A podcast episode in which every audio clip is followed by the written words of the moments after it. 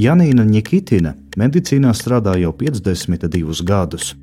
Viņa ir Daugaupils slimnīcas plaušu slimību un tuberkulozes centra galvenā medicīnas māsa un arī radiologa asistente. Savulaik nominēta par Daugaupils gada cilvēku kategorijā veselības aizsardzība un sociālā aprūpe. Medmāsai ir arī citi tituli un pacientu atzinība. Kādā rakstā Daugopils novada portālā, medicīnu viņa sauc par savu misiju. Janīna Nikitina ir arī Covid-19 vakcīnas skeptiķe.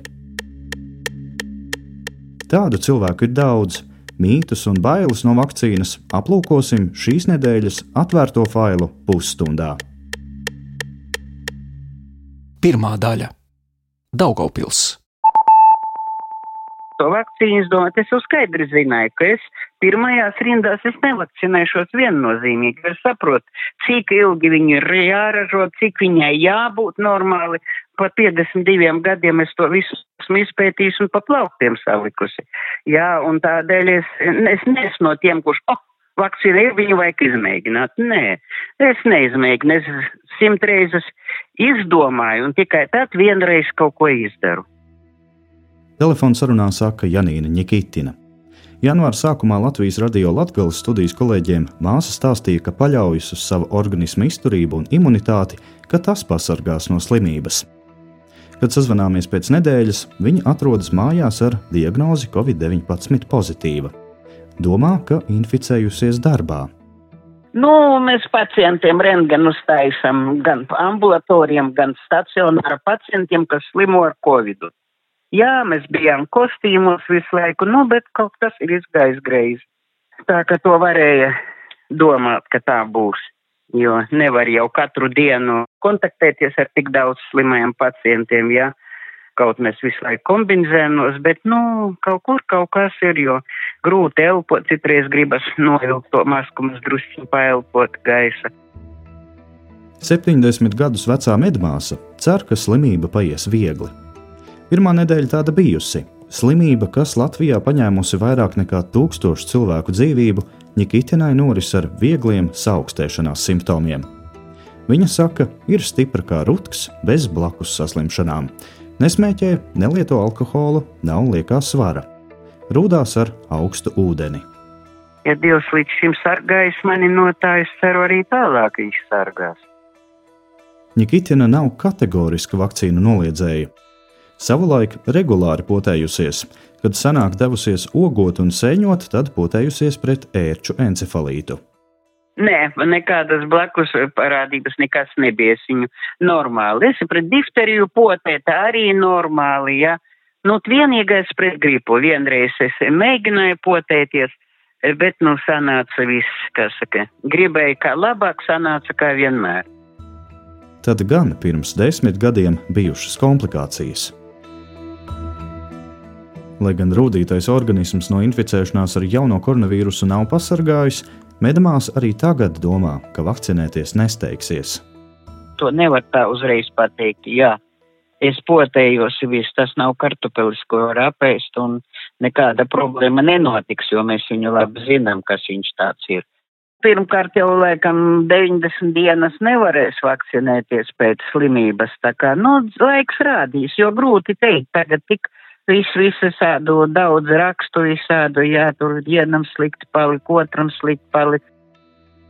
Pašlaik tiek uzskatīts, ka 90 dienas pēc slimošanas atkārtot inficēties nevar. Tomēr arī izslimojušajiem ir jāvakcinējas, jo, kā norāda infektuologi, antivielu daudzums pēc slimības var būt nepietiekams. Rekomendācija ir pēc infekcijas ieturēt nelielu pauzi un vakcinēties trīs mēnešu laikā. Imunizācijas valsts padomus vadītāja Dāca Zavacka piekrīt, ka vakcināciju var atlikt, kamēr vakcīna nav plaši pieejama. Taču pēc vakcinācijas šī aizsardzība ir noturīgāka, lai gan precīzi nav zināms, uz cik ilgu laiku. Patreiz zinātniskie dati tā stabili, ka mēs droši cilvēki varam teikt, ir tās 90 dienas vidēji, 3 mēneši. Tā saka Zavacka. Šī ieraksta tapšanas laikā ar covid-19 ir slimojuši 330 Daugopils slimnīcas darbinieki. Tā ir nepilna trešdaļa no visiem. Cits Daugopils slimnīcas mediķis, kardiologs Nikolais Sorokins, pieļauj, ka šis ir viens no skaidrojumiem, kāpēc vakcinēšanās sākumā Daugopils slimnīca visas Latvijas mērogā izcēlās ar ļoti mazu vakcinēties gatavo darbinieku skaitu. Pirmajā posmā pilsētā ir vakcinējušies 140 mediķi. Jo es zinu, ka diemžēl mūsu slimnīcā, mūsu kolēģu vidū ir diezgan daudz cilvēku, kas jau ir pārslimojuši Covid. Un visticamāk viņi nu, to vakcināciju veiks tad, kad infekcioloģi uzskatīs to pa vajadzīgo. Jā, nu, to respektīvi varbūt pēc trīs mēnešiem, bet šo es komentēt nevaru. Kardiologs pats ir vakcinējies, tāpat kā visi pārējie ārsti viņa nodaļā. Nu, īstenībā man tā pieredze ir diezgan uh, pozitīva, jā, es teiktu tā. Saka jo, Nikolais Sorokins. No, tad poties saņemu uh, pēcpusdienā, uh, pūkstens pusdivos, un man kaut kur ap pūkstens septiņiem vakarā bišķiņ saka sāpēt tā injekcijas vietā. Bet jau nākošajā dienā no rīta es jau praktiski neko nejūtu, nekādas ne sāpes, ne, ne apsartums, ne, tur nav bijis ne kaut kāds sapīgums poļas vietā. Gurīgi sakot, nav īsti skaidrs, kāpēc kolēģi dažie kolēģi nevēlas vakcinēties. No māsiņām doktoris dzirdējis bažas par tempiem, kādos vakcīna izgatavota. Vēl nav redzami ilgtermiņa rezultāti, jo vakcinācija tikai tagad sākusies visā pasaulē. Varbūt ir tāda bišķi, nu, tā piesardzība, ja, jo teiksim, tā gripas vakcīna, diterijas vakcīna, tas jau, jau ir gadiem ilgi mēs jau lietojam, mēs jau zinām, teiksim, tas, tas sagaidāmas blaknes, kas attiecas uz Covid vakcīnu, ka Nu, tā tiešām ir ļoti jauna un varbūt nu, cilvēkiem ir tāda piesardzība. Daugopils slimnīcas ārstu atturīgumu vakcīnu jautājumā mēdz saistīt ar citu informatīvo telpu. Krievijas propagandas mediju rietumu vakcīnas atspoguļo kā bīstamas. Kardiologs Sorokins pieņem arī tādu versiju, tomēr cer, ka kolēģi uzticēsies zinātnē, nevis viltus ziņām. Jā, es ļoti ceru, ka, ka tomēr cilvēki klausīsies, ko stāstīs cilvēki, kas, nu, teiksim, ir ar zinātnisku grādu un kas saprot, kas ir kas, nevis kaut kādi Facebook komentēri. Bet medmāsu Janīnu Nikitinu versija par Kremļa mediju ietekmi drusku sadusmo. Es domāju, ka tā ir vienkārši tāda atrunāšanās, ka zinat, ka te uz tautu iedarbojas Krievijas spēki. Krievija viņiem visur. Kur negriezies, visur Krievija vainīga. Bet, nu, vai tā Krievija tur vainīga, vainīgi paši, ja neprot strādāt, negrib strādāt, dzīve sēž kaut kur stikla kupola un pie tautas neviens nav nolaidies, neviens nav atbraucis uzprasījis, kā jūs tur Daugopilī dzīvojat, vai jums vispār ir aizsarglīdzekļi un kā jūs tur vispār dzīvojat. Medicīnas māsa sekojot informācijai gan ārvalstu, gan Latvijas medijos. Viņa met akmeni valdības dārziņā par viegliprātīgu attieksmi vasarā. Bijusi sajūta, ka Latvija ir izņēmums un laikus nav sagatavojusies pandēmijai, kas beidzies ar sliktu scenāriju tagad rudenī un ziemā. Valdības vilcināšanos izjutuši arī mediķi Daugaupilī. Mums nebija pat baķilu, vajadzēja telefona kulis uz kājām, tur vilkām un staigāja personāls. Nu, visādi vajadzēja pielāgoties. No Janīnas Nikitinas ģimenes medicīnā strādā arī mazmeita. Viņa Rīgas stomatoloģijas slimnīcā ir radiologa asistente. Vai mazmeita vakcinēsies, to Nikitina nezina, ģimenē par to nav runājuši. Tā ir katra personīgā lieta, uzskata ārste. Otra daļa - kolektīvā imunitāte. Tomēr Covid-19 gadījumā potēšanās ir kolektīva lieta. The choice is very clear to me. Either we will have a vaccine and people will be vaccinated and accepted. Izvēle ir pilnīgi skaidra. Vai nu mums ir vakcīna un cilvēki vakcinēsies, vai arī mēs nepotējamies, un mums būs jādzīvo šajā trakajā situācijā ar lockdowniem un ierobežojumiem. Vispirms jāparāda, ka tās strādā un sargā. Otrakārt, jāpārliecinās, ka šīs vakcīnas, gluži kā citas, ir pilnīgi drošas. Cilvēkiem jābūt pārliecinātiem, jā, tas izglābs manu dzīvību. Pateiksim to skaidri. Vienīgais ceļš ārā no šīs pandēmijas ir vakcīna. Let's be clear. The only way out of this pandemic is a vaccine. Tā par pandēmiju Eiropas komisijas mājaslapas Covid-19 sadaļā saka virusologs Pīters Pijo. Viņš ir pazīstams kā pionieris aids pētīšanā. Pagājušā gadsimta 70. gados palīdzējis atklāt arī toreiz nezināmo ebola vīrusu un piedalījies tā pirmās epidēmijas apturēšanā. Pērn maijā virusologs pats pārslimojis Covid-19, un gluži kā daudzi citi medicīnas darbinieki, ar nepacietību gaidījis vakcīnu.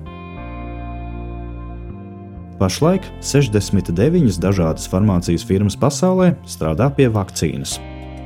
43 no tām ir pirmajā un otrajā testēšanas fāzē, pārējās otrajā un trešajā fāzē. Deviņas vakcīnas jau ir guvušas vismaz vienas valsts regulatora akceptu izmantošanai. Lai panāktu kolektīvo imunitāti, jāvakcinējas vismaz 75% iedzīvotāju, Lai tik daudz vakcīnu saražotu, sapotētu cilvēkus un apturētu vīrusu izplatību, nepieciešams laiks.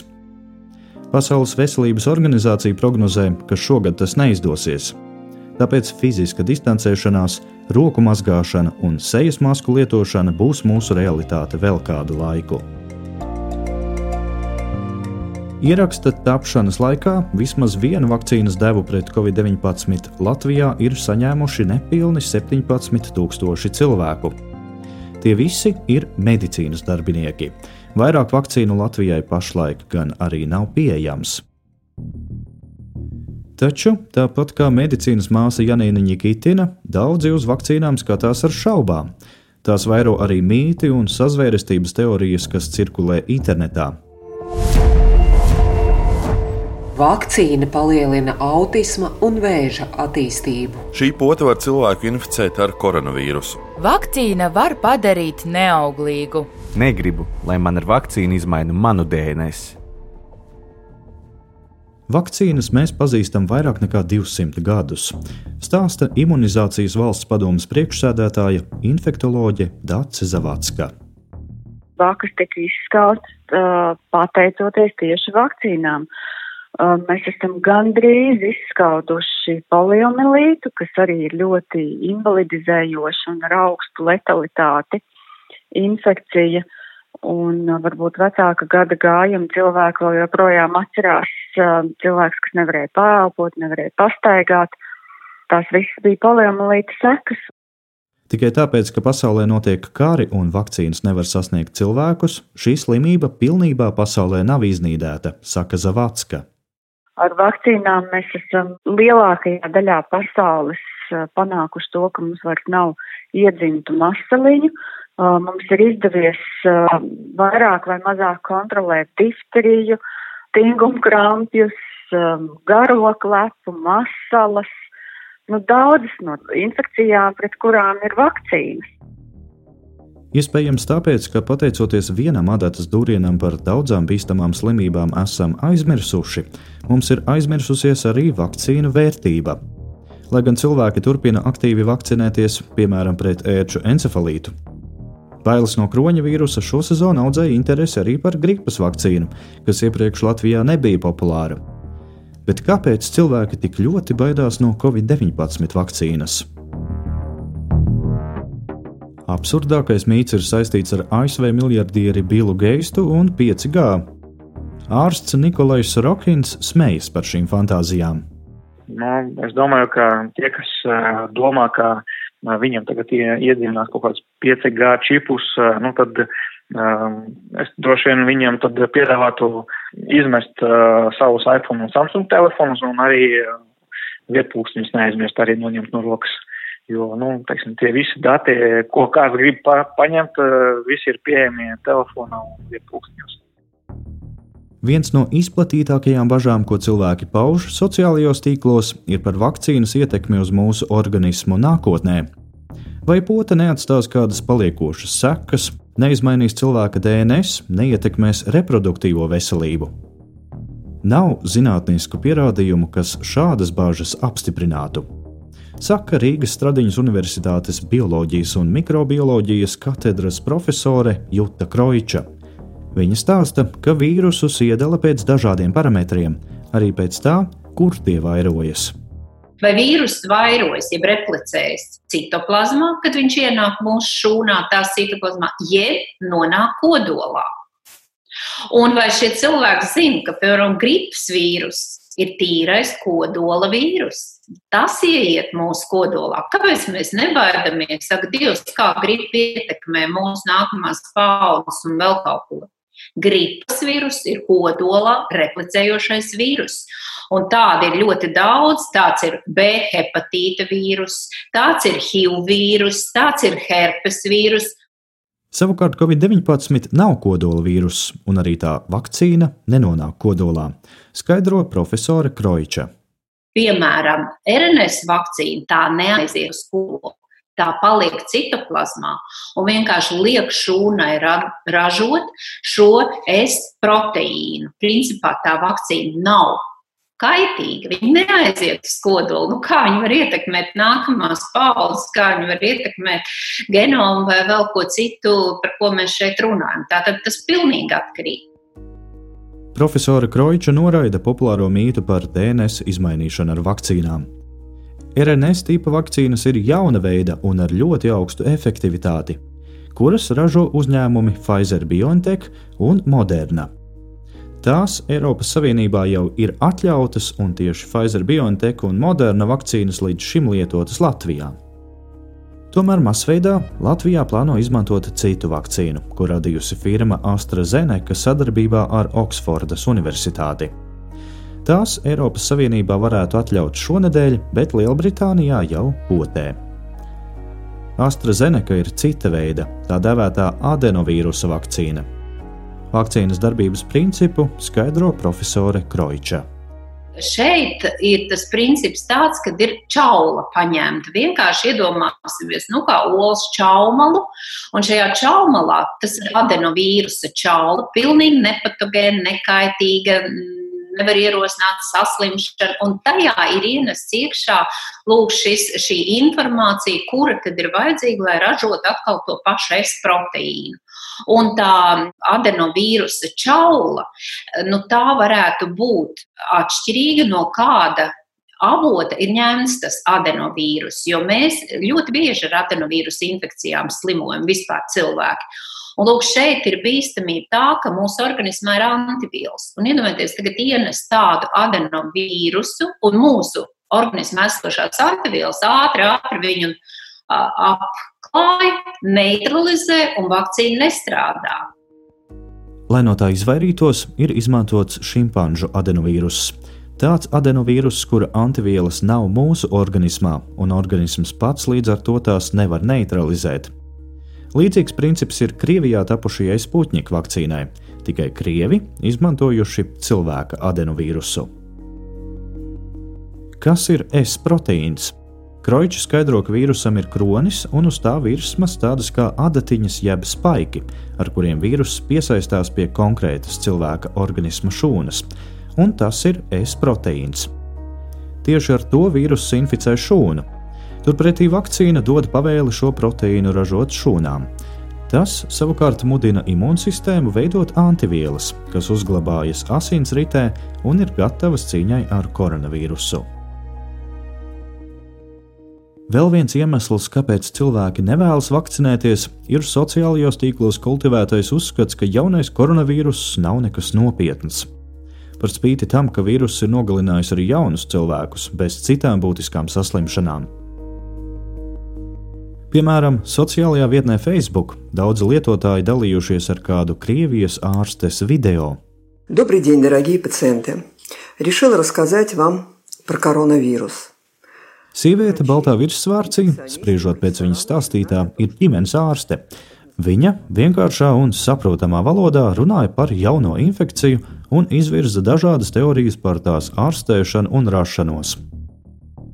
Viena no viņas teorijām ir tāda, ka Covid-19 var uzveikt ar citām infekcijām, vai ka cilvēki, kuri slimo ar kādu citu infekciju, ar koronavīrusu nemaz nevar saslimt. Kā piemēru viņa min herpes vīrusu. Kroiču šo teoriju sauc par muļķību. Herpes vīrusu mēs nesājam 98%. Es, jūs, apkārtē 98% no pasaules iedzīvotājiem nesā herpes vīrusu. Bērnībā inficējamies, un vīrus saglabājas mūsu organismā uz visu atlikušo mūžu. Tātad, ja ticētu Krievijas ārstei, tad teju visiem pasaules iedzīvotājiem Covid-19 nav bīstams, jo teju visiem organismā dzīvo herpes vīruss. Tikai daļa no mums to nenojauš, jo herpes vīruss organismā dzīvo klusi, bet aktivizējas, piemēram, kā augstumpumpa uz lūpas. Kroiča, kura šo video ir noskatījusies, saka, ka no tur dzirdētā piekrīt tikai vienam - nevajag krist panikā. Profesors spriež, ka kaimiņu zemes ārstes viedoklis ir balstīts uz viņas pieredzi. Proti, viņa nav virusologs, bet gan ģimenes ārste, kura mācījusies 70. gados. Kopš tā laika daudz kas ir mainījies. No vakcīnām nereti baidās cilvēki, kuriem ir novājināta imunitāte. Un te speciālisti atbild, ka vakcinēties vajag, jo tieši cilvēkiem ar novājinātu imūnosistēmu var būt augstāks risks inficēties ar koronavīrusu taču uzmanīties vajadzētu tiem, kuri cieš no nopietnām alerģijām. Bet ko darīt sievietēm, kas ir mazuļa gaidībās, vai drīkst vakcinēties? Vakcīnu ražotāji norāda, ka pētījumos ar dzīvniekiem nav novērota kaitīga ietekme grūtniecības laikā. Tomēr informācijas par vakcīnas lietošanu grūtniecības laikā ir ļoti maz. Tāpēc lēmums grūtniecei jāpieņem konsultējoties ar ārstu un apsverot vakcinācijas ieguvumus un iespējamos riskus. То есть 78 год уже врачи, инфекционисты, профессора наши знали о том, что есть так называемый коронавирус. Ģimenes ārste no Krievijas video vēl saka, ka koronavīruss nav nekas jauns. Un tā pat tiešām ir. Viens no nopietnākajiem koronavīrusiem ir SARS, kas galvenokārt Āzijā plosījās 2002. gadā. 2012. gadā bija cits koronavīrus paveids MERS, kas lielākoties skāra tuvo austrumu valstis. Savā ziņā mēs varam pateikties šiem diviem covid-19 radiniekiem. Komentē RSU profesore Juta Kroiča.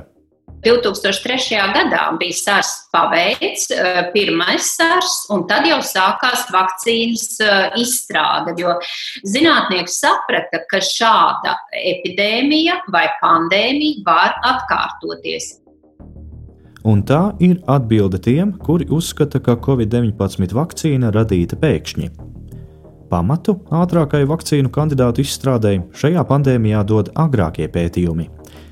Piemēram, darbu pie Pfizer BioNTech vakcīnas zinātnieki sāka, kad jaunais koronavīruss Eiropā vēl nebija nonācis. Un tā ir pavisam cita tehnoloģija, ne klasiskā vakcīna, kur cilvēkiem potē nelielu novājinātu vīrusa devu. Taču top arī tradicionālās vakcīnas, un Āzijā tādas jau izmanto.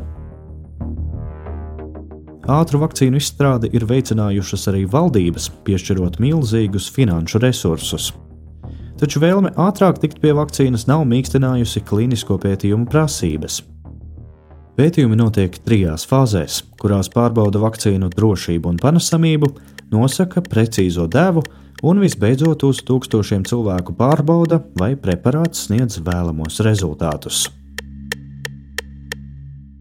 Trešā daļa - inovatori, piesardzīgie un noliedzēji.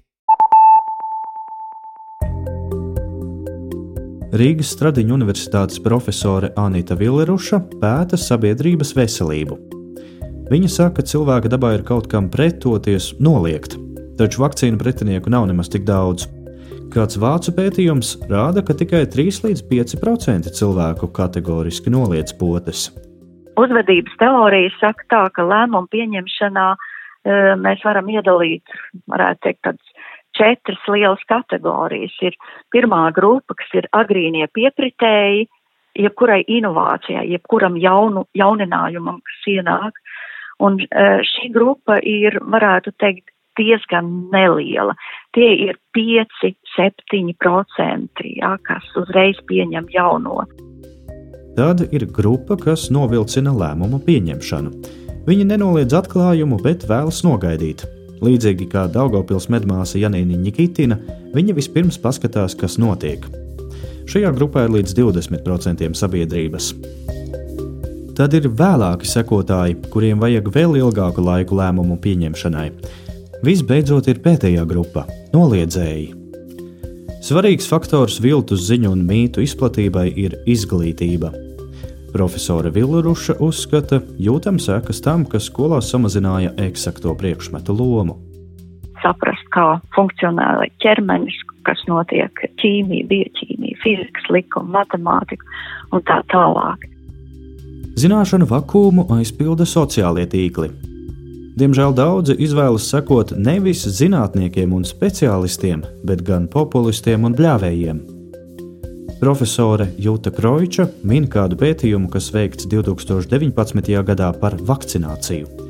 Jautāts arī par atbildētāja politisko piedarību. Pārliecinoša, absolūti viennozīmīgi pārliecinoša likumsakarība bija ka vakcīnu pretinieki ir tie, kuri balso par populistiskām partijām.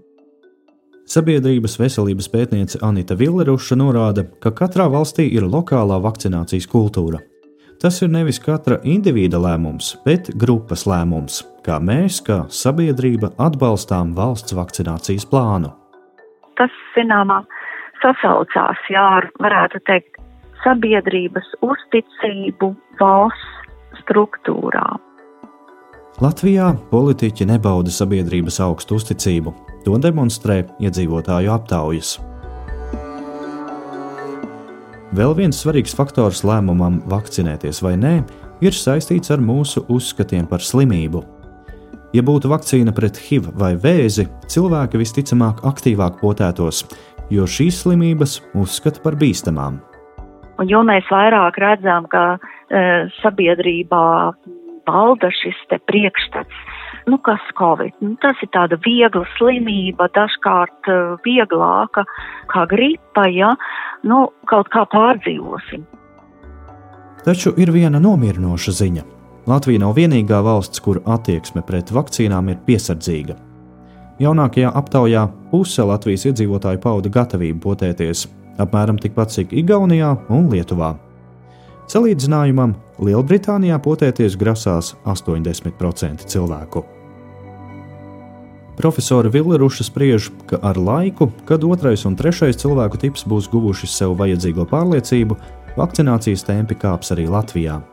Cilvēkus mudinās vēlme atgriezties viņu normālajās dzīvēm. Ir arī tā varētu teikt, tādi netiešie piespiedu mehānismi, kas rosina cilvēkus izlemt par labu e, kādai vakcinācijai. Mēs, piemēram, zinām, ka attiecībā uz bērnu vakcinācijas dažādās valstīs apspriest jautājumu, ja tu neesi savu bērnu vakcinējis, viņš nevarēs iet uh, valsts atmaksātā bērnu dārzā. Tagad mēs dzirdam, jā, ka vakcinācijas status E, tiks jautāts iebraucot e, kādā citā valstī. Latvijā pašlaik vakcinācija ir brīvprātīga, un apmaiņā pret poti mums nekas netiek ne piedāvāts, ne liekts. Nu, ar to mēs arī varēsim zināmā mērā izmērīt, cik e, Latvijas sabiedrība ir gatava iestāties arī par citu cilvēku dzīvībām un labklājību. Raidījumu veidoja Zane Mača, Anita Brauna, Reinis Budze un Matīs Budovskis. Atvērtie faili!